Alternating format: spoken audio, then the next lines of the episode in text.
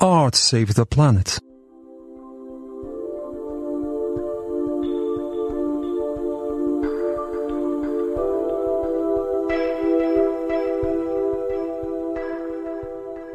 Hi, my name is Aoife Desmond. I'm visiting from Ireland and um, participating in the conference Can Art Save the Planet? Which is the question, also.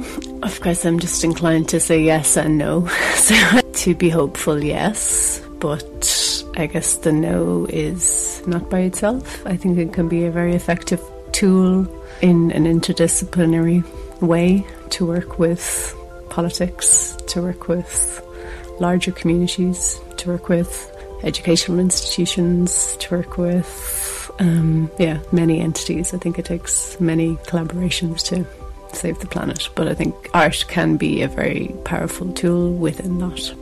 But I think art has to break outside its own boundaries to be able to do that. Sometimes it seems art doesn't have the kind of connection to a wider population than it could. That it has a slightly redundant function, that it becomes entertainment or kind of critical, aesthetically interesting, but not actually translating to action or change. So, I mean, I guess this is where the, the art activism kind of crux is really critical. Yeah, so that's why I feel like it can only really be effective if it widens and creates these more tangible networks.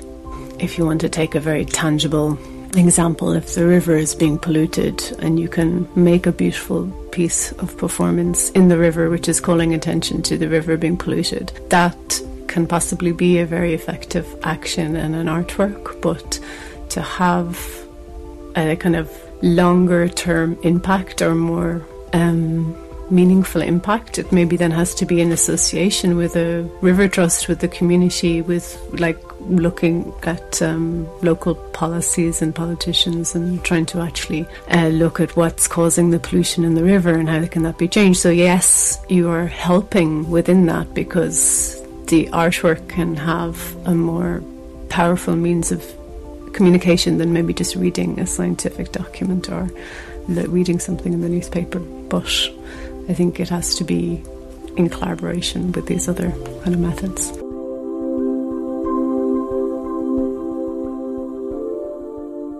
Cykl podcastów zrealizowany dzięki wsparciu Fundacji Współpracy Polsko-Niemieckiej i Instytutu Goethego.